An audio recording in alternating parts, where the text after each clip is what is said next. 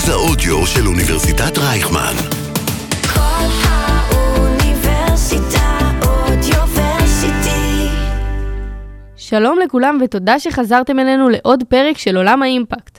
אני אראל טננבאום והיום אנחנו נדבר על מקרה מיוחד שבו טכנולוגיה של מוצר קיים מוסבת לשימוש של משהו אחר לגמרי. אז פתיח ונתחיל. עולם האימפקט. אראל טננבאום מארחת יזמים שמפתחים ומשקיעים בעתיד טוב יותר. היא חברה שמשמשת לניהול משלוחים של חברות אמריקאיות. גיא בלוך המנכ"ל שלה הרגיש עוד לפני השביעי לעשירי שמשהו רע הולך לקרות, והכין plan B להצלת החברה. כשקרה האסון, הוא לא רק הפעיל את תוכנית המגירה, אלא גם הבין שהתוכנה שלו יכולה לנהל את חילוץ הניצולים מהעוטף. אז איתנו כאן גיא בלוך, מנכ"ל ה unicorn Bringg, שלפני Bringg כיהן בתפקידים בכירים ב Splunk, המפתחת כלים טכנולוגיים לניתוח big data ו machine data, כשבתפקידו האחרון הוא שימש כמנהל אזור אירופה, המזרח התיכון ואפריקה בחברה. לפני כן הוא כיהן בעמדות מפתח ב-HPE, Mercury ואפילוג. מה שלומך, גיא? מה העניינים? אראל. כן, בסדר גמור. אז בוא תספר לנו קצת על עצמך בשביל הצופים. אז אני... מאזינים. מאזינים. שלום למאזינים. אז אני גיא, גיא בלוך. אה, נולדתי בארץ, גדלתי בארץ, 20 שנה הייתי בארצות הברית. אה, נסעתי לעשות שם תואר שני, וכמו הרבה אחרים נשארתי, ונשאבתי לעולמות של אה, enterprises בארצות הברית, ועבדתי בחברות אה, סטארט-אפ למיניהן, מהקטנות לבינוניות וגדולות. השש שנים האחרונות שלי הייתה עם חברה שנקראת ספלאנק, ושם גם, אה, זו הייתה חברה שפשוט התפוצצנו. כשאנחנו, כשהצטרפתי, היינו משהו כמו 200 מיליון דולר revenue, בשש שנים קפצנו לשני מיליארד אה, ב-revenue, שזה היה גדילה מטאורית. מטורף. שם גם למדנו הרבה על מה זה scale, ואיך גדלים בשווקים שרצים מאוד מאוד מהר קדימה. השנתיים וחצי האחרונות שלי שם, עברתי לאירופה, ולנהל את כל הגוש של אירופה, ושמתי את המשפחה כאן, כי אשתי ישראלית, אני ישראלית וישראלי, וחשוב שגם הילדים יהיו ישראלים. וכשהייתי כאן, אה, למעשה הכרתי הרבה מהיזמים בארץ ומשקיעים. הכרתי את מייקל אייזנברג, שמי שמכיר אותו הוא ציוני גדול, ועם חיוך הוא אמר לי לפנים שהגיע הזמן שאני אפסיק לעזור ל-Silicon Valley ונתחיל לעזור לישראל להפוך להיות מסטארט-אפ nation ל-mature-up nation. והוא הציג לי את ברינג והתאהבתי, ואני כאן עם המשפחה כבר אה, אה, משהו כמו שש שנים, וכיף, כיף לחזור הביתה, כיף להיות פה. אז מה, באמת, אה, כי זה נשמע, נשמע מושלם בספלאנק, אז כאילו עושים אה, דברים מטורפים ב, ב-scale ממש גדול, ואומרים לך, יש, זה היה סטארט-אפ קטן בזמנו, ברינג? כאילו, כשאתה הצטרפת, מה... כשאני הצטרפתי, אז, אז זהו, אז אה, יש הבדל. ספלאנק זה איפה שהייתי, ואחר כך עברתי לברינג. כשאני נכון. הצטרפתי לברינג, החברה שאני נמצא בה היום, כבר חמש שנים, אה, אה, אה, היא חברה מדהימה, עם טכנולוגיה מדהימה ולקוחות מדהימים, והייתה את ההבנה של, אוקיי, אנחנו הולכים לפני משהו מאוד מאוד גדול פה. זה שוק מאוד גדול, זה שוק של שחקנים גדולים, יש בזה גם הרבה אסטרטגיה, קצת שחק שח. ואיך אנחנו מעבירים את החברה מלהיות סטארט-אפ עם הרבה פוטנציאל לחברה שהיא scalable, שהיא predictable, שממש מטפסת במדרגות של, של השוק, ל-prime, ל-prime state שלה, למקום הזה. אה, ולזה באתי. באתי למעשה לקחת את החברה ולהכניס אותה לתוך growth journey, אה, שזה חוויה, זה כבר חמש שנים, וזה חמש שנים מאוד מאתגרות. באמת גם הצמיחה שלכם הייתה יחסית מהירה, אם אנחנו מסתכלים על זה כאילו בטווח של שנים, איך אתה, איך אתה מסביר את זה? ה- ת- קודם כל, העולם כ- כעולם e-commerce הוא גדל. אם ב-2017 משהו כמו 17-18 אחוז מכל הריטל היה אונליין, אנחנו ב-2027 נגיע כבר למעל 40 אחוז. ואין מה לעשות שיש אונליין, כל המשחק באונליין זה לשלוח. אה, ואם אתה יודע לעשות כל משלוח שהוא נוח, שהוא מהיר, שהוא זול, שהוא... אפשר לסמוך עליו, זה reliable, אז הלקוחות קונים וחוזרים, וה-lifetime value שלהם גדל וגדל וגדל, ואתה בתור הריטיילר מרוצה. אבל אם אתה לא עושה את זה טוב, הם באים פעם אחת, מי כמונו יודע את זה. אה, אתה מגיע פעם אחת, אתה מגיע פעם שנייה, אם פעמיים פספסו בדליברי, אתה כבר לא תחזור, ומעל 80 אחוז מהלקוחות לא חוזרים. ובעולם שגדל בקצבים כאלה, לתוך עולם של אה, אונליין, והחשיבות של ה-last mile הופכת להיות חשיבות מכרעת, על היכולת שלך להחזיר את הלקוחות, להגדיל את ה-revenue שלך ולייצר אה, אז זה עולם שהוא גדל אה, במהירות. כמובן שהיה שם את הקוביד, והקוביד הגיע ולקח אה, עולם שלם שהתנסה כבר בעולמות דיגיטליים, אבל כי בא לו, כי התחשק לו, כי זה היה כיף. ובשנייה אחת, עולם שלם נכנס לעולם של אונליין, כי הוא לא יכול היה אחרת. או הוא לא רצה להגיע לחנויות, או הוא לא יכול היה להגיע לחנויות בגלל סגרים, והחנויות היו צריכות להגיע אליו. אז כן, זו הייתה תקופה מדהימה, כי כולם פתאום התעוררו והבינו, אוקיי, אנחנו צריכים להסמייל, בלי זה אין לנו אפשרות לעשות את זה. ובאמת ראינו קפיצה בשוק, אה, בשוק הזה. אז מה באמת בברינג, כאילו, מה, מה אתם עושים? שכזה, ככה נספר ל... אנחנו מערכת שלנו. הפעלה של עולם ה-last mile, אנחנו מסתכלים על עולם, עולם ה-last mile ככלכלה, כלכלת המשלוחים, יש בה demand ויש בה supply. אה, וכשיש יותר demand מ-supply, הכלכלה לא מאוזנת, וכשיש יותר supply מ-demand זה לא מאוזן. איך אתה יכול להגיע למקום שאתה מוצא את ה-equilibrium, כשכולם digitized, כשכולם connected, כשכולם יושבים על מערכת אחת, אה, ואז אתה בתור retailer אה, יכול לשלוח מיליונים של packages למיליונים של לקוחות מהחנויות שלך, מה-warehouses שלך, מה-pick-up points, מה-multi, אה, מה-micro-fulfillment אה, centers. חלק מזה זה עם נהגים שלך, חלק מזה זה נהגים של מישהו אחר, ובעולם כמו ב... בשוק האמריקאי, יש לך את DoorDash ואת Uber ואת Shipt ואת Lyft ואת כל אלה שעושים לך same, same day, 30 minutes, an hour, 2 hours, same day. יש לך 3PL, שזה חברות שנותנות לך את המשאיות ותשלח. יש לך parcels, FedEx, UPS, יש לך כל כך הרבה דרכים לעשות את זה. חלק מזה זה scheduled, חלק מזה זה on demand עכשיו, כמו הזמנתי משהו בב- ב-Burger King, ואני צריך שתוך חצי שעה זה יהיה. אה, וזה עולם מאוד מאוד קומפלקס. ומה שאנחנו עושים, עושים digitization ו-connection של כל חלק בתוך העולם הזה, וכשהכל digitized ו-connected, אז orchestration, optimization, automation, זה משחק של דאטה, וזה מה שאנחנו אנחנו משחקים בדאטה. האימפקט שאנחנו עושים הוא בשורה התחתונה על ה-engagement של לקוחות כשנמצאים על ה-site, והם רואים כל מוצר שאפשר לקבל אותו עוד חצי שעה, ובעוד שעה, ובעוד שעתיים, אז ה-engagement עולה. cart conversion, כי היום, אם אתה מגיע ל-cart לעשות את ה-checkout, ו-20% מהלקוחות צופים ש... אה, 20% רוצים שזה, יהיה להם את האפשרות של same day delivery, ושזה גם יהיה חינם. אם אתה לא נותן את זה, הם כנראה ילכו, ואם אתה נותן את זה, אז אתה יכול לעשות conversion יותר גבוה שב-checkout page. אה, ו-returning customers, שה-customer experience הוא exceptional, אז יותר לקוחות חוז, חוזרים. והדבר האחרון שאנחנו משפיעים זה העלו- העלויות. העלויות, ה-50% מה-shipping cost זה למעשה העלות, זה העלות של ה-last mile. וכשאתה עושה לזה אופטימיזציה ואתה הופך את זה לדבר שמאוד efficient, אנחנו מדברים על אה, עלויות מאוד גדולות שאנחנו מוריד, מורידים. זה אנחנו. איך זה עובד?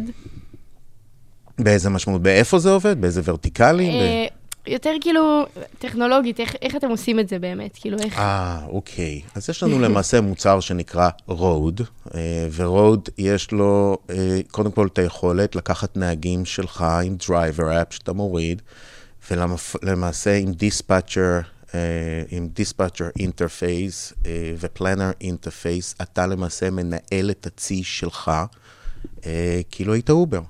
אתם הופכים את, שירות המשלוחים ל-Uber. ל-Uber, את השירות שלך. לדוגמה, יש לנו חברה, לקוח שנקרא AutoZone, שזה חלקי חילוף של רכבים בארצות הברית, חברת ענק, משהו כמו יותר מ-4,000 חנויות בכל ארצות הברית.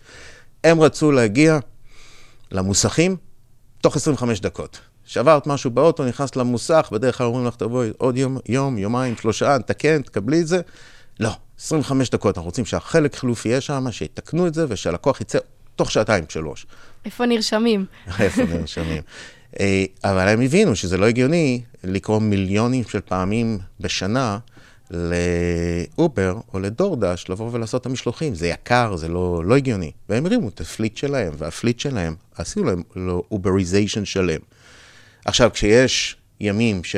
או שעות במהלך היום שיש יותר ביקוש מהיצע אה, של נהגים, או שיש איזה אה, אה, משלוח לעשות שזה exception, וזה לא הגיוני שאנחנו נעשה את זה, אז הם מחוברים לאובר ולדורדש ולכל הפליטים האחרים, והמערכת שלנו יודעת לכל אורדר תמיד למצוא את הדרך הכי efficient לשלוח אותו, אה, ולייצר את ה-customer experience שהם רוצים. מטורף. מרתק. ויש לכם גם, באמת חתמתם על חוזים עם לקוחות מאוד מאוד גדולים. נכון, קראתי אה, מקדונלדס וקוקה קולה ווולמארט והמון אה, תאגידים אה, גדולים מאוד. ואמריקאים.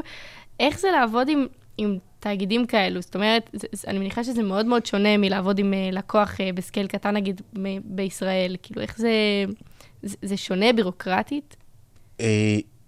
זה שונה כי זה ארגונים גדולים, אחד, כי זה mission critical system, שתיים, כי אם אנחנו לא עובדים, אז באותה שעה שלא נעבוד, לא יהיה וופרים בעולם, ולא יגיעו חלקי חילוף למוסכים, ומשלוחים של אה, אה, רהיטים לא יגיעו למקום שלהם, ו-tow trucks, גרר, רכב- רכבי גרר לא יוכלו לבוא ולחלץ אנשים. אז קודם כל זה הבנה שאנחנו mission critical, זה דבר אחד. וכש-mission critical system, שזה קצת כמו ניתוח לב פתוח, אחד, ש... אחד המנכ"לים של אה, לקוח מאוד גדול שאנחנו עובדים איתו אמר, תקשיב, להכניס אתכם זה ממש ניתוח לב פתוח, זה להיכנס כל האופרציה לתוך הלב של המערכת, ובאמת לשנות את זה. ולעבוד איתם זה לדעת לעבוד אה, עם חברות שהן לאו דווקא, דווקא יותר בירוקרטיות, כמו שיש בהן אה, הרבה יותר תהליכים והרבה יותר אנשים שמתערבים. אה, כדי לוודא שהם מקבלים את ההחלטה הכי נכונה לארגון. אה, והם risk averse בגדול, ההבדל הגדול בין סטארט-אפים לבין חברות שהן הרבה יותר גדולות, זה כי סטארט-אפים זה, זה הכל כאילו, בוא ננסה, לא הצליח, ניקח צעד אחורה, ניקח שני צעדים אחורה, נתקן, נזוז קדימה. הם לא יכולים לעבוד ככה. אז הם הרבה יותר risk averse, אז התהליך של למכור להם הוא הרבה יותר מורכב. אה, הרבה יותר שחקנים שמעורבים ושצריך לדבר ולתת להם להבין את האימפקט שהם עושים כדי להאמין בזה, כדי לממן את זה, כדי לעמוד מאחורי זה. ואז גם בכל התהליך של ההטמעה, יש פה change management. זה לא רק טכנולוגיה, יש תהליכים, אנחנו צריכים לעשות re-engineering לתהליכים מסוימים, מסוימים ב- בארגון. יש אנשים שצריכים לעבור enablement, נהגים, דיספאצ'רים, פלנרס, אקזקיוטיב שמסתכלים על זה. אז זה פשוט, אנחנו מסתכלים על זה יותר בתור change management, לעומת מכירות מהירות, שזה plug and play. נכנסת, username, password, ואתה במשחק. אצלנו, זה כמה עבודה. זמן לוקח תהליך כזה? יש לנו maturity מודל שבנינו, אה, תקופה מאוד ארוכה, אה, היינו מגיעים ללקוחות כמו System Integrator, סוג של. היינו אומרים לו, כאן אתה נמצא, לפה אנחנו צריכים להגיע, בוא נתקוף את זה כבעיה אחת, והבנו שלא הרבה לקוחות יש להם את, ה, את היכולת להתחייב לכזה מסע ארוך. אה, ו-over time, עם ההתבגרות של המערכת שלנו, בנינו maturity מודל. וה-maturity מודל אומר משהו מאוד פשוט, שאנחנו יכולים לעשות לך launch, אתה יכול להתחיל, תוך חודש כל הסביבה דיגיטלית. כל התהליכים שלך, הכל דיגיטלי. כשאנחנו דיגיטליים, אנחנו יכולים לעבור לשלב הבא שנקרא Optimize, וב-Optimize זה הרבה יותר מורכב. מה אנחנו עושים שם Optimize? אה, קודם כל route optimization, איך אני שולח אה, יותר או אותו דבר בפחות משאיות, פחות routes, כדי להוריד עלויות, כדי להוריד אה, את ה-carbon impact, ולהוריד כמעט כל דבר מסביב. ואיך אני עושה להכל אוטו דיספאץ', שנגיע לאחוזים של 80, 90, 95 אחוז ממיליונים של הזמנות, לא עשית כלום, זה פשוט המערכת ראתה את ההזמנה, מצאה את הדרך הכי efficient, סגרה את הלופ, נתנה את הדיספאץ', וזה רץ. וזה שלב יותר מורכב, פה זה כבר process re-engineering, וזה ה-change management, זה יותר מורכב. ואז בנינו layer למעלה של accelerators, שאתה לא חייב אותם, אבל אם תשתמש בהם, אתה תזיז את המחט פה. ואם תשתמש בזה, אתה תמיז, אתה תזיז את המחט uh, כאן. אז היום אנחנו יכולים לנחות אצל לקוח, ותוך תוך חודש לעמוד איתו עם עוד כמה חנויות מסביב, עם נהגים ולהרים את האופרציה. הם, אחד, מאמינים, זה קוויק ווין בשבילם, הם מאמינים, ואז הם יוצאים לדרך. נשמע מדהים ולא פשוט גם. לא פשוט, מאוד מורכב, הרבה סבלנות והרבה בגרות. זהו, ממש. ו... ואם נלך טיפה קדימה, אה, אתה הבנת עוד הרבה לפני השביעי לעשירי, ש... שמשהו לא ממש טוב הולך לקרות כאן ב... במדינה. אה, מה, מה חשבת? כאילו, מה, מה הדליק לך את הנורה האדומה זה, בעצם? זה, זה מצחיק, כי אחרי הכתבה כולם אומרים לי שחזיתי, לא חזיתי כלום. לא חזיתי כלום, זה פשוט the sign was on the wall. אין דרך אחרת להגיד את זה. וראינו את זה, ודיברנו על זה. אה, והיה את הלילה ההוא של גלנט שפיטרו אותו, וכולם יצאו לרחוב, ומאות אלפי אנשים, על מה הוא פוטר? על זה שהוא בא ואמר, אנחנו בסכנה ביטחונית. אז זה לא אמור לקרות, זה לא, זה, זה אקט שלא אמור לקרות, וזה בהחלט, באותו לילה הבנתי של, אוי, אנחנו מגיעים ל- ל- לתחתית פה. אה, גם יש תמיד את ההבנה שאם יש לך אויב שלא מכיר בקיום שלך, וכל האג'נדה שלהם זה שתהיה בים, אז תמיד גם יש את ההבנה הזאת שהדרך הכי טובה, טובה לתקוף אותנו זה לא שאנחנו בפיק שלנו כמדינה, זה שאנחנו בבטם, ומה לעשות ששנה שעברה הצלחנו ממש להגיע אה, לבטם. אה, אני חושב שמה שגרם לנו לקחת אה, צעד אחד קדימה, to engage the situation, ולא רק להסתכל, זה היה כשהעבירו את עילת הסבירות, ואז באותו יום שהעבירו אה, את עילת הסבירות, הייתה איזה סוג של עלייה לרגל של גנרלים, של רמטכ"ל, של שר, כולם רצו לדבר עם הדרג המדיני, המדיני כי רק להזהיר אותם. ו- ואני זוכר שהיה גם אז פרסום של אמ"ן, ושהשורה התחתונה, האויבים שלנו מזהים שאנחנו בחולשה, והם מתכוננים להתקפה. אז כאילו, מה יכול להיות יותר, אה, כאילו, זה לא ברור? ואז אה, אני זוכר ששבוע אחרי זה נפגשנו. אני חושב שגם ביידן אפילו התייחס לזה, ואמר שהסבירות למלחמה בארץ עלתה בצורה משמעותית, ואני זוכר פשוט, נפגשנו כהנהלה פגישה שבועית, ושמתי את זה על השולחן, ואמרתי, אם תמיד יש את הסיכון הזה, אבל סיכון של אולי אחוז אחד, קטן, לא... גדלנו למצב שאנחנו כבר 50-50, ותסתכלו מה זה אומר, תסתכלו מה זה אומר. הם לא סתם אומרים את זה, ואם כולם מדברים על זה, יש מצב שזה יקרה ויש מצב שלא יקרה. מה שאנחנו יודעים זה שאין לנו באמת לקוחות בארץ. כל הלקוחות שלנו גלובליים, אנחנו mission critical system.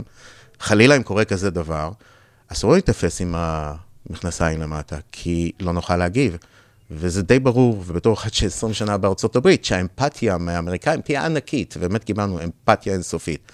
אבל ברגע שאתה לא מתפקד, הסובלנות שלהם זה אפס. זה אפס, אין מצב שעכשיו... כן, אין- ככה זה כאילו... זה, זה ביזנס, ביזנס זה ביזנס, משחקים ביזנס, זה... אנחנו פה לעשות, יש פה ביזנס. אנחנו צריכים לדעת שאפשר להישען עליכם, וזו האחריות שלי. הם משקיעים בי מיליוני דולרים, זו האחריות שלי. אני לא יכול להיות mission critical ולהתפרק כי... וזו הייתה השאלה, ושאלנו את השאלה, מה אנחנו צריכים לעשות שהדבר הזה לא יתפוס אותנו לא מוכנים, שנוכל להגיב, שנוכל ללחוץ על ה play button, ואני זוכר שתיארנו את הסיטואציה שבכזה מצב, מלחמה בצפון, בדרום, מבפנים, מבחוץ, מכל המקומות, אנחנו נהיה, נהיה בכזאת דרמה, אולי אפילו בלי תקשורת, שאנחנו לא נוכל אפילו לדבר, אז בואו נחליט את ההחלטות עכשיו. אתם עשיתם את מה שהצבא לא עשה. זה כבר זה, אבל עשינו את זה, וזה... אה, גם צריך, בסוף, זה היה כזה מצחיק, כי זה היה חודש של עבודה לא אינטנסיבית, אבל בסופו של דבר, כל אחד הלך לדרך שלו, עשה את מה שהיה צריך לעשות, חיברנו את זה למעשה לתוכנית אחת, עשינו סימולציה אחת, ובסוף הסימולציה אמרנו, טוב, נשים את זה במגירה, נקווה שזה לא יקרה, ונקווה שיצאנו, מה שנקרא, טמבלים, השקענו זמן, מה הדבר הלא נכון. לצערנו, ב-7 לאוקטובר קרה. ומה מה באמת הייתה התוכנית? כאילו, מה, מה תכננתם שם? קודם כל, הכי חשוב זה היה, קודם כל העובדים, העובדים, העובדים, זה, כי זה במצב כזה, כשאתה, וראינו מה קרה ב-7 לאוקטובר, כולם בהלם.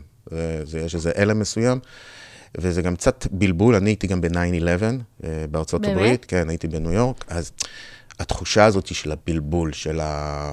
אתה מבולבל, מה, מה קורה? זה, זה, זה נכנס לתקו, לקטע של uncertainty, אבל מובהק.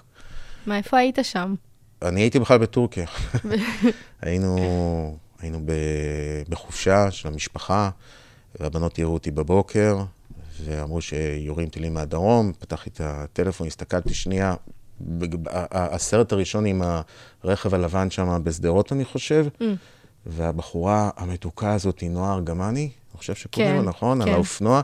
This is it, זה היה ברור שזה לא, זה לא, זה משהו אחר לגמרי. אנחנו כבר בשבע בערב היינו על טיסה ללונדון, כי אי אפשר היה להגיע לארץ, ונתקענו שבועיים בלונדון. אבל אמרנו. פה אנחנו לא נשארים, אנחנו חייבים לעוף מכאן.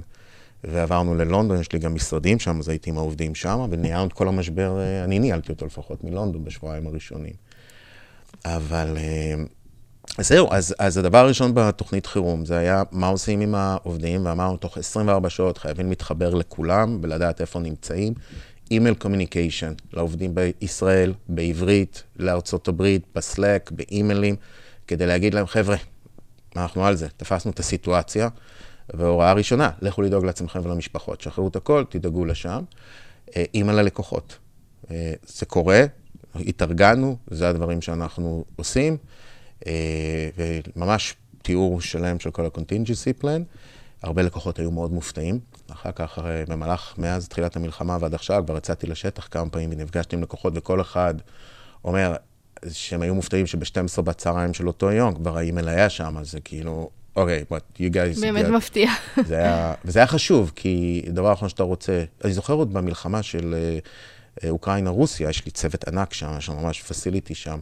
הלקוחות, בגלל שלא אנחנו חווינו את זה, החבר'ה באוקראינה חוו את זה, ולא ראינו שזה יזעזע את הבסיס של החברה, אה, אז פחות נתנו לזה תשומת לב במבט של הלקוחות. אבל הלקוחות פנו, הכל בסדר, אתם תעמדו בכ- בכל הדברים שאמרנו, המערכת תהיה יציבה, והיו הרבה שאלות, וראית שנוצרה איזו חרדה.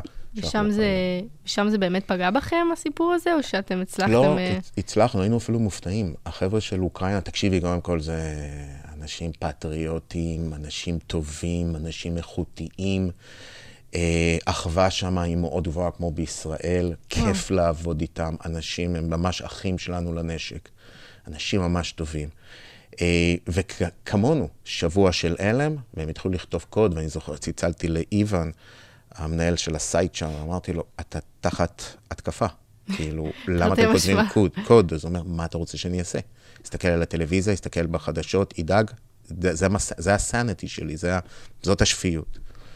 אז אם אל הלקוחות ואם אל העובדים, וחילקנו מראש את האופרציה של החברה לשניים, וכל מה שקשור ב pipeline, revenue ו-customers נתתי לדייוויד פארי, שהוא ה executive שיושב בלונדון, ואחד האנשים הקרובים בתוך ההנהלה, ואנשים ש... אחד האנשים ה- שאנחנו סומכים עליו, ואמרתי לו, חוץ מלמכור את החברה ולגייס כסף, אתה רשאי לקבל כל החלטה, תעשה את מה שנכון לחברה. ואנחנו פה בארץ התעסקנו עם הניהול של המשבר, עם העובדים. אה, אמרנו שאם צריך, אה, יש עובדים שהם חיוניים, שאנחנו לא יכולים לאבד את התקשורת איתם, אז אחד מהם אפילו הוצאנו אותו מישראל עם המשפחה. אה, ועשינו את הכל כדי לוודא שאנחנו שם, אפילו הגברנו את ה security, עשינו audit חיצוני מיידי, הרמנו את ה security, עבדנו עם Okta לשפר את ה security של המערכת, ו... כן, כי זה מפחיד עם כל ההתקפות סייבר והדברים הכל. האלו, שאם פוגעים לכם הכל. בשילוחים זה באמת אה, בלאגן. כן. אה, טוב, אז זה גם צעד משמעותי. אה, ורציתי לשאול אותך גם, שאתם בעצם התמודדתם עם כל, ה, עם כל הדבר הזה ב-48 שעות באמת, כאילו, תוך שנייה אתם ידעתם כבר מה אתם עושים. ואז היה לכם את, ה, את הסיפור הזה שאתם גם לקחתם את זה הלאה ו, והשתמשתם בזה בשביל לעזור לנהל את המטה חטופים. איך זה, איך הגעת ל, לרעיון הזה, מאיפה זה הגיע? הרעיון הגיע מאיש מדהים שקוראים לו עמי דניאל, והוא המנכ"ל של ווינוורד, אה, והוא חבר, הוא יושב איתי בפורטפוליו של א', הוא גם חברה של א', אה, ולאחרונה יצא לנו אפילו להיפגש הרבה יותר ולדבר עוד לפני השביעי לאוקטובר, אז אה, מערכת יחסים שהיא הרבה יותר פתוחה וישירה, שאחד יכול להישען שם על השני. והוא מצא את עצמו פתאום בסיטואציה שהוא מקבל קריאה מהדרום לעזרה, והוא מחפש מתנדב, והוא מחבר ביניהם, ואז פתאום עוד טקסט כזה ועוד טקסט כזה, וכנראה נוצר איזו תחושה שעמי הוא הסייביור, ויותר ויותר טקסטים מגיעים, ויותר ויותר הוא... אה, אה, מחבר אותם למתנדבים, ואני חושב שביום הראשון או באמצע היום השני של המלחמה, של השמיני, תשיעי לאוקטובר שם, דיברנו, והוא סיפר לי. אמרתי לו, בוא'נה, זה גדל, זה כמו שרפה בשדה קוצים. הוא אומר לי, אתה לא מבין? זה פשוט. אז אמרתי לו, אנחנו חייבים לעשות לזה אוטומציה. את, זה לא, אנחנו צריכים לראות גם איפה המתנדבים נמצאים. אם נמצאים באיזה נקודה מסוימת שיש היתקלות עם מחבלים, צריך למשוך אותם, אנחנו לא יודעים איפה הם. והכל בספרדשיטס, והכל בוואטסאפים, וזה חייב להיות הרבה יותר מאורגן. ש... ושלחתי לו בחורה מאצלנו, אה, את מאירה. אה, שהיא כבר אה, מעל חמש שנים בחברה ומכירה, היא אשת שטח, היא עובדת תמיד עם הלקוחות. זוכר שהוצאתי אותה מ... היא הייתה באקספו, התנדבה באקספו. אמרתי לה, בואי, יש התנדבות שהיא הרבה יותר אימפקט, ואנחנו צריכים להציל משפחות. יש משפחות שנמצאות כרגע ב... אה, בעוטף, בתוך המקלטים, ובגלל שעדיין יש שם מחבלים, לא מפנים אותם, לא מגיעים לפנות אותם. והיא נסעה שם להוד השרון, למטבח ולסלון של אה, עמי, ושם הרימו את המערכת בפעם הראשונה. אה, וזה התחיל לגדול לממדים כאלה שהחבר'ה של Fiverr נכנסו פנימה כדי לארח את כל האופרציה, ואז אה, החבר'ה של האחים לנשק והקבוצה של בית קמה אלון שהיה שם, שהרימו למעשה את כל הארגון, זה היה היציאה, משם מגיע נהג, משם הוא מוריד את ה... את האפליקציה, הוא נרשם, משם הוא מקבל את המשימה, לשם הוא חוזר. אז הם נכנסו לעניין, בשלב מסוים monday נכנסו לעניין, כי הם למעשה הפכו להיות ה interface של כל הבקשות. כל בקשה, לא משנה מה הבקשה, הגיעה אליהם, ואז הם ניתבו את זה, וכשזה נותב לנהג, אז זה נותב למעשה אלינו, ואנחנו למעשה לקחנו את הכדור מהם והמשכנו את הניהול של mile. אה, ו... זה היה מדהים, זה, זה, זה היה מעורר השראה, אה, זה היה מרגש. היה, אני זוכר איזה קטע, זה התחיל ממאירה, וצירפנו לשם אה, את סרט שלנו, ואפרת בכלל שנמצאת בלונדון, אמרנו, אפרת, בוא נקרא לפרויקט הזה מדינת ישראל, זה הלקוח. אנחנו מנהלים אותם כאילו זה... כאילו הם החברה הכי גדולה. כאילו זה אוטוזון, כאילו זה FedEx, כאילו זה, זה, זה Burger King, זה החברה הכי גדולה, ואנחנו מנהלים אותם ככה. אה, אבל בשנייה כל, כל ישראל נכנסה לזה. אה, עשרות עובדים, ואתה מסתכל על ה Slack, מי שלא היה במילואים, או עובדות שהבעלים שלהם במילואים והן עם הילדים, כל מי שיכול פשוט נכנס פנימה, ולא כי ביקשו מהם, פשוט כולם נשאבו לתוך הפרויקט הזה. ואפילו פיתחנו פיצ'רים במהירות שיא. זה היה מצחיק, הסתכלנו, אמרנו, אם הלקוחות באמת ידעו שאנחנו מסוגלים להוציא פיצ'רים בקצב כזה, אה, אנחנו נשנה פה את הסטטוס קוו. אבל אה, זה היה מדהים, פשוט לקחנו פיצ'רים, הבנו את ההתנהגות שחסרה, מה צריך לעשות, איפה יש התאמות לעשות, ופשוט בשניות זה היה פינג פונג, וכל ה Slack רתח וגעש, ווואו, העמדנו את זה, והגענו לסוג של perfection. מדהים, באמת. זה, זה, זה מטורף איך כאילו תוך שנייה, כי אני זוכרת את עצמי ב, בכל התקופה הזאת, שרק חיפשתי לצאת מהבית ולהתנדב ולהועיל איפשהו, וכשזה באמת בא ממקום כזה טהור, גם באמת אפשר לראות איך ה... כל הפיצ'רים באמת נעמדים תוך שנייה, והכל כאילו, כולם כזה נותנים את המאה אחוז, נכון.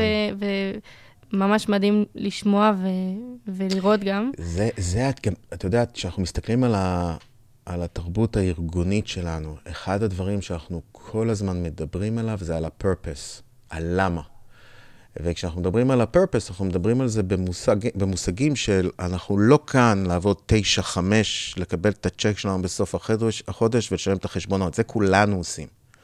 אנחנו פה למשהו הרבה יותר גדול, והרבה יותר בול. גדול זה ה-best version of ourselves, פשוט להשתמש בברינג כפלטפורמה, להיות הכי טוב שאתה יכול, פשוט הכי טוב, כל הפוטנציאל, תוציא אותו, תממש את עצמך, והדבר השני, לעשות טוב, לעשות אימפקט. אז באותה מידה עשינו פרויקט כזה עם יד שרה בתקופת הקורונה.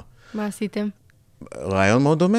אה, רעי... אה, כאן זה לא היה פינויים, אבל פה זה היה בתקופת הקורונה, הרבה יותר הום קר, טיפול שצריך לתת בבית. אי אפשר להביא באמת את החולים, מעדיפים לא להביא את החולים לבתי חולים, צריך להגיע למעשה אליהם, וציוד שצריך להגיע אליהם. אה, ויצרנו קשר עם יד שרה, ואמרנו להם, תקשיבו, אחד הדברים שהוא הכי אה, מעורר חרדה בתהליך של קבלת הציוד זה איפה זה, מתי זה יגיע, עוד כמה זמן, יכול לדבר איתו. ושם נוצר אה, אה, חרדה סביב התקשורת הזאת. אה, זה אחד. דבר שני, אתם מוגבלים בכמות המתנדבים שלכם, ויש לכם כל כך הרבה ראוטים שאתם צריכים לעשות, בואו נעשה את זה הרבה יותר אפישן. במילים אחרות, אמרנו להם, בואו נעביר, בואו נהפוך אתכם להיות ארגון כזה ששולח כיסא גלגלים, כאילו פיצה בדרך ללקוח. ונהפוך את החוויה הזאת לנעימה, ונהפוך את זה לכם להרבה יותר יעיל, וכיף יותר לכולם לעשות את ההתנדבות ולעשות את האימפקט. הייתה הצלחה מדהימה. ואיך איך באמת הגאוות יחידה של, ה, של העובדים? מדהים. כן? זה, כן. לעשות... מרגישים זה... את זה. מרגישים בלי לדבר. אני זוכר שבאותה תקופה אמרנו, לא עושים יח"צ לזה, כי פחדנו מ... אם מן הסתם גורמים עוינים ידעו שיש אלפי מתנדבים ב... ב... באזור אה, דרום אה, ישראל, בעוטף, והם ידעו איפה הם נמצאים והכל, אז זה יהפוך להיות מידע שיכול לסכן. אותנו. והרבה פנו אלינו לעשות uh, תקשורת סביב זה ולראיין אותנו. אפילו אני זוכר שהייתה כתבה של ה-BBC שהם ממש הקליטו וקלטנו שהם עשו את זה וביקשנו שלא ישדרו, כי היה לנו חשוב לשמור על זה סייף. Uh, אז אני חושב שהגאווה היא פחות ה-recognition שאנחנו מקבלים בחוץ, כמו ההבנה שאנחנו עושים דברים טובים. אנחנו עושים למען הקהילה. And uh, we walk our talk, אז זה לא רק סיסמאות, וכשאנחנו מדברים על purpose, זה משהו מאוד רציני בשבילנו. אנחנו עובדים בזה, כי זה מה שממלא אותנו, וזה מה שגורם לנו לאהוב את החברה, ולרצות לראות אותה פורחת. ואתם גם אה, לוקחים את זה לשלב הבא באיזשהו מקום, אתם מפתחים איזשהו מנסים, מוצר. מנסים, מנסים. זה לא לפתח מוצר, המוצר קיים, האופרציה קיימת. אז מה אתם צריכים בעל עושים? בית, צריך בעל בית. צריך מישהו במדינה שידע להפעיל את המערכת לא בשעת חירום, בשעת שגרה, יש מתנדבים כל הזמן, ואז בשעת חירום, את כל הנהלים והכל ברור ומסודר, כי בשעת חירום פתאום אלפי... בוא נדמיין את הסצנריו הכי לא נעים שיכול להיות והכי לא רצוי שאף אחד מאיתנו לא מייחל לו, מלחמה בצפון, אבל זה עוד פעם, זה, זה שם, זה יכול לקרות, זה יכול לא לקרות. מלחמה כזאת, ההנחת יסוד שאנחנו נותקף בכל כך הרבה טילים, שהדבר הנכון זה שנהיה או במקלטים או ליד המקלטים. מה שזה אומר, אנחנו לא יוצאים מהבית. זה אומר שדברים עוד פעם צריכים להגיע אלינו. קורונה כפול סוג שתיים. של, לא לחודשים, לא לשנים, וזה עניין של שבועיים, שלושה, ארבעה. עכשיו, יש אוכלוסייה שהיא יותר נזקקת, זקנים, קשישים, אה, ילדים שצריך לטפל בהם, חולים. איך אתה ניגש אליהם? שוב פעם, אה, הערכה שלנו זה מאות ואלפי מתנדבים. כולם ירצו לצאת החוצה, לא לשבת בבית ולהתנדב, זה הזמן להתנדב. יופי, איך אתה מחבר את כולם? מי מקבל מה? איזה משימות? איך אנחנו עוקבים אחרי זה? איך אתה מייצר באמת מקום אחד שכל הבקשות מתנקזות אליו? אה, המדינה עדיין לא ערוכה לקחת את זה כמו שזה, אבל אנחנו עובדים איתם על זה, על, אה, על לקחת את האופרציה, וזה לא רק האופרציה של ברינג, זה ברינג, והם צריכים לעבוד עם מאנדיי, וצריכים לעבוד עם אה, החבר'ה של, אה, ש, של אחים לנשק, להבין את האופרציה ואיך עשו, יש הרבה lessons learned. אבל זה יכול כאילו, כל crisis management, מרעידת אדמה כל- ועד... כל אה, דבר. סביר להניח שפתאום חלילה יהיה צונאמי או איזו סופה טרופית אה, או רעידת אדמה איפשהו, ונדע שיש לנו את היכולת לבוא ויש שם מאות ואלפי מתנדבים, אז סביר להניח שניצור קשר ונגיד להם, קחו את המערכת, הנה ה-best practice, תפעילו אותה פשוט. נעזור להם, אבל כן. מדהים, באמת. זה... זה... כיף לי כאילו לשמוע אותך מדבר על זה. וזה באמת מוצר אה, שכל כך נחוץ, אני לא יודעת איך, איך מקודם לא, לא היה משהו כזה שמחבר. אני חושב שמה שבאמת ממלא אותנו בגאווה זה שהוא לא רק נחוץ למקום העסקי. ש... זהו. שאת יודעת, ש retailer אחד מנסה להתחרות באמזון, והדרך היחידה שלו זה באמת לתת את אותו רמת שירות, ואותה רמת שירות זה לעשות perfection ל-last mile, ועצרים את Bringg, וזה מדהים, כי פה אנחנו עושים גם שליחות מאוד גדולה. אם אנחנו לא נעשה את זה, אז אה, יש לנו מונופול, יש גוליית אחד גדול ושום שחקן אחד קטן, לא יכול לעמוד נגדו, זה לא כלכלה פייר, זה לא משחק פייר.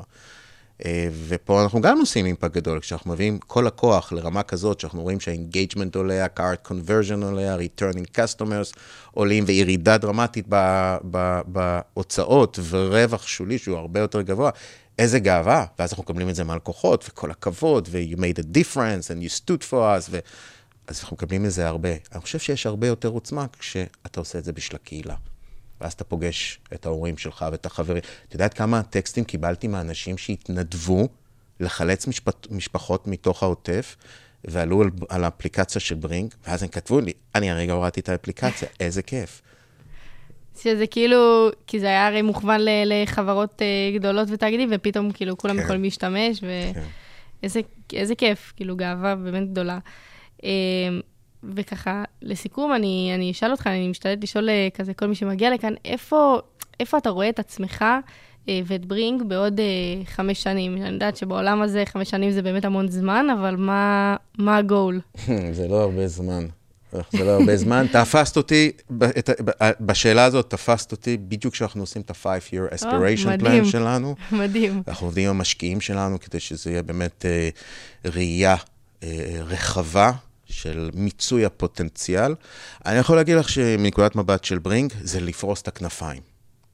אם יש, את יודעת, אה, אני מסתכל על כמה משלוחים היו שנה שעברה ב, רק בארצות הברית, משהו כמו 25, 23 מיליארד משלוחים, משהו כזה. אנחנו לא נוגעים אפילו ב tip of the iceberg, ואנחנו עושים את הלקוחות כבר הכי גדולים, את החברות הכי גדולות. אז יש לנו כל כך הרבה לאיפה להגיע, גם מנקודת מבט של פריסת הכנפיים והוורטיקלים והלקוחות, ולעשות, להרחיב את ה impact כמה שאפשר וכמה שיותר. אה, בעוד חמש שנים נהיה הרבה יותר omni channel. המטרה שלנו, השאיפה שלנו להגיע למצב שכשיש order, הזמנה שנכנסת למערכת, אני יכול לייצג אינסוף אפשרויות לשלוח את זה בכל מיני דרכים, וכל דרך נמצאת בתוך המערכת, אה, שזה דבר מאוד חשוב לנו, ואנחנו רוצים להגיע למקום של ה network. וה network זה בא ואומר שאנשים כבר מתחילים לעשות trading, יש לך לקוח אחד עם ה fleet שלו, שיש לו מספר deliveries בשבוע שהם unutilized, זאת אומרת משאיות ריקות, הוא יכול למכור את ה-capacity למישהו אחר בתוך המערכת, ואנחנו מתחילים להביא למעשה את כל הכלכלה. לפי, לפי ה-game theory של פרופסור נאש, כשיש לך Goliath אחד בשוק, או שני Goliath בשוק, ולאף שחקן קטן אין סיכוי נגד ה Goliath, הדרך היחידה להתמודד זה כולם ביחד. אני מוסיף על digital, על digitized ו-connected אה, network, שיושבים ביחד עם כל הכלים, כדי לייצר אלטרנטיבה שהיא הרבה יותר efficient, מה Goliath. ב Goliath, נגיד, אתה מתכוון, אני מניחה, אמזון, אה, אינסטקארט, הגדולים, אלה שעשו לזה, מה זה החברות האלה בסופו של דבר? זה חברות של טכנולוגיה.